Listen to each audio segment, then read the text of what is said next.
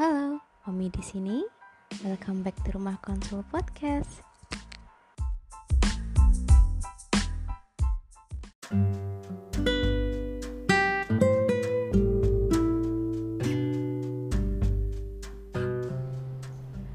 Halo sahabat Omi, welcome back to Rumah Konsul Channel and Rumah Konsul Podcast. Jadi di podcast dan video kali ini aku akan bahas tentang satu term yang belakangan ini jadi heboh nih gara-gara seorang suami youtuber yang sempat menyebutkan term ini yaitu introvert dan juga extrovert. Sebenarnya introvert dan extrovert ini adalah sebuah trait, sebuah kepribadian atau suatu hal yang bisa dikembangkan sih sahabat Omi. Kalau berdasarkan teori sebenarnya introvert dan extrovert ini satu bentuk trait. Jadi trait seorang, watak seorang itu ada yang introvert, ada juga yang extrovert. Nah, kalau namanya watak atau trait berarti kan sesuatu yang memang sulit untuk diubah. Tapi karena introvert dan extrovert ini terkait dengan sosial, terkait dengan cara seseorang untuk berkomunikasi juga, sehingga hal ini bisa dikembangkan. Artinya gini sahabat Omi, skill-skill yang terkait dengan pengembangan diri bisa dikembangkan tapi mungkin preference dia atau naluri dia bahwa dia lebih suka recharge energi di isolasi atau dia lebih suka bersosial dengan orang lain itu yang nggak berubah tapi secara tampilan atau apa yang dia tampilkan di luar gitu bisa berkembang berdasarkan dengan apa yang dia kembangkan Nah, aku mau nyebutin beberapa ciri-ciri introvert dan juga extrovert. Nah, kalau orang introvert ini, pertama, dia akan cenderung uh, banyak ngomong dengan pikirannya dibandingkan dengan orang lain. Sedangkan kalau orang ekstrovert itu dia akan cenderung kayak ngomong ke orang lain. Dia tahu apa, dia ngomong, dia ngomong. Tapi kalau orang introvert dia cenderung mikir, banyak mikirnya. Jadi kalau kalian lihat teman-teman kalian yang cenderung banyak berpikir, cenderung kayak talk in his mind atau her mind, nah itu cenderung orang-orang yang introvert. Sedangkan kalau misalnya ekstrovert dia cenderung kayak langsung bersosialisasi dengan orang lain. Kayak gitu ngomong sama orang lain. Kayak gitu sahabat Tommy. Kemudian yang kedua, selain selain itu adalah mereka uh, kalau orang-orang introvert itu akan lebih senang untuk bercerita dengan face to face jadi one on one gitu. Tapi kalau teman-teman extrovert dia akan senang untuk bercerita dengan banyak orang. Itu yang kedua. Sedangkan yang ketiga kalau teman-teman lihat juga teman-teman introvert itu dia akan lebih senang untuk Uh, kalau introvert biasanya mengungkapkan ide dia akan berpikir terlebih dahulu. Jadi kalau teman-teman lihat orang-orang yang biasanya mengungkapkan ide ditulis dulu, dia pikirin dulu baru dia ungkapkan itu kecenderungannya adalah teman-teman introvert. Sedangkan kalau misalnya extrovert dia cenderung ya diomongin aja. Nanti biasanya dia mendapat insight ketika dia ngomong apa dia dapat apa. Jadi dia mendapatkan sesuatu dari apa yang dia keluarkan dan dia terima dari lingkungan. Sedangkan introvert itu dia pikirin dulu nih dia olah dulu di pikiran baru kemudian dia kemukakan.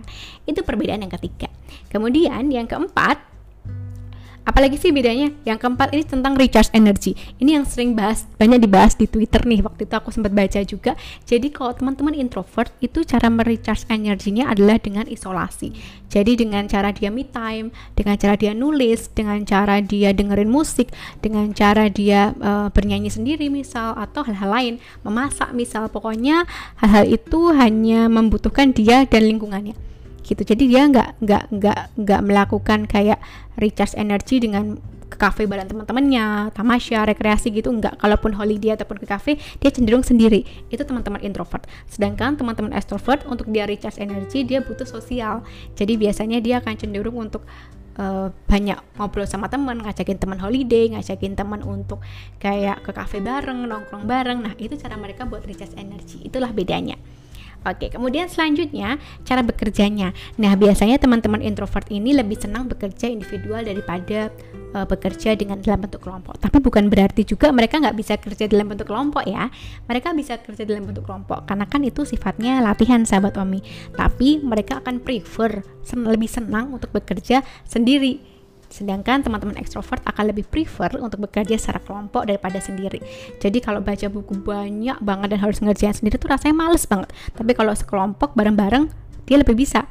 Kalau ngerjain tugas dia selalu ngasakin temen dan ada temen dia jadi bisa naik gitu dia jadi bisa ngerjain banyak sedangkan kalau teman-teman introvert dia akan memilih buat kalaupun dia pergi ke cafe dia akan memilih buat sendiri buat ngerjainnya atau di kosan sendiri kayak gitu itulah bedanya tapi bukan berarti mereka nggak bisa kerja kelompok ya teman-teman introvert.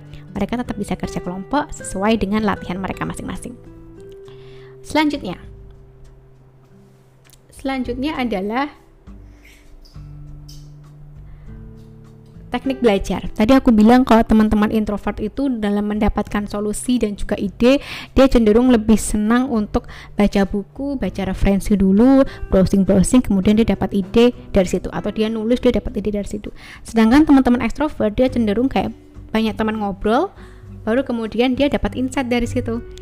Jadi ketika dia lebih senang tuh misalnya ada tugas kerja kelompok, ada tugas belajar kelompok, dia senang karena dengan belajar kelompok dia akan mendapatkan ide materi-materi jadi mudah masuk. Sedangkan teman-teman introvert mungkin akan lebih prefer materi mudah masuk ketika dia benar-benar sendirian, baca buku, lihat referensi dan sebagainya. Nah, Lalu pertanyaannya, apakah introvert ini bisa berkembang menjadi ekstrovert dan ekstrovert bisa berkembang menjadi introvert? Sahabat Omi, meskipun introvert dan ekstrovert ini sifatnya trait, tapi sebenarnya keduanya ini bisa dikembangkan. Kenapa bisa dikembangkan? Karena kita dalam hidup kan butuh balance ya. Kalau introvert terus ya nanti kita sosialnya gimana? Kalau ekstrovert terus nanti kita nggak bisa keep rahasia, kita nggak bisa punya me time kayak gitu. Jadi sebenarnya semua orang ini butuh balance. Makanya baik untuk satu sama lain itu berusaha untuk menyeimbangkan orang introvert mengarah ke arah ekstrovert, orang ekstrovert mengarah ke arah introvert. Caranya gimana? Misalnya contohnya orang introvert, dia kan nggak seneng untuk uh, bersosialisasi, nggak seneng yang namanya buat kayak berkomunikasi. Tapi meskipun dia tidak prefer untuk melakukan itu, bukan berarti dia nggak bisa, karena kebutuhan bisa jadi dia kemudian terpaksa untuk melakukannya atau dia terlatih untuk melakukannya. Jadi mungkin ya bukan terpaksa sih ya bahasanya, tapi lebih ke arah terlatih lah.